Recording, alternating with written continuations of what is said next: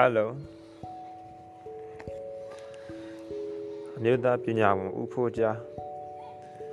ဦးဖိုးကြားဒီဟင်္ဒရနယ်နိဗ္ဗာန်ရွာ၌1952ခုနှစ်တွင်အဘဥဖေအမိတော်ဒေါ်တောင်းတို့မှဖွားမြင်လေသည်မိဘများမှာလက်ဓမ္မကုံတယ်များဖြစ်သည်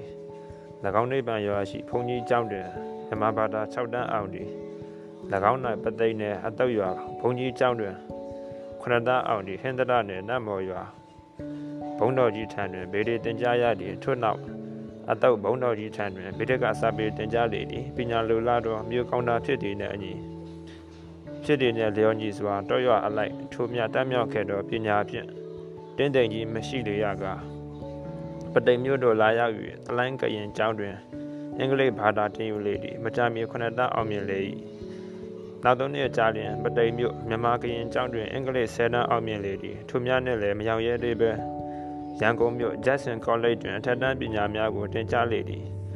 အသက်29နှစ်အရွယ် BA အောက်တန်းတွင်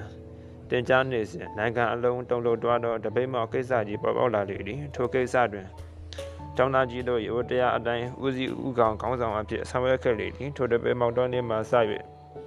ယနေ့အထိ15နှစ်လုံးသောအမျိုးသားပညာရေးအဖွဲ့ချုပ်တွင်ပညာရေးအမျိုးသားပညာဝန်အဖြစ်ဖြင့်အမှုထမ်းလျက်ရှိသည်ဥဖိုးကြသည့်စကားပြောကောင်းသူတယောက်ဖြစ်၏မြမနေ့စဉ်အဒီတာဥထွန်းဖေကဥဖိုးကြပြောသောစကားတို့သည်ပလဲလုံးများစီတန်းထွက်လာပြီးတဲ့ကဲ့သို့နားထောင်ကောင်း၏အချီးကျူးမှု၏မိမိစီပူခဲ့သောပညာရများကိုအရင်ပြည့်၍ရတာစီရင်သောအကဲ့သို့ကျန်းစာအုပ်ငယ်များမှာပသိညာစပွေနှင့်ဥထွန်းရှင်အထုပတ်သည့်မြမခုံ၏ ကျောင်းတော်ရာရွှေချင်းဆရာတော်အထုပတ်သည့်ပောရဏအပိဒံ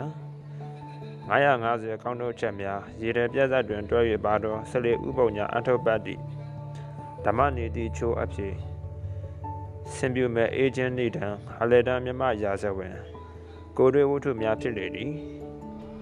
1998နတော်ပြတို့လှထုတ်စာဆိုတော်မဂ္ဂဇင်းအတွက်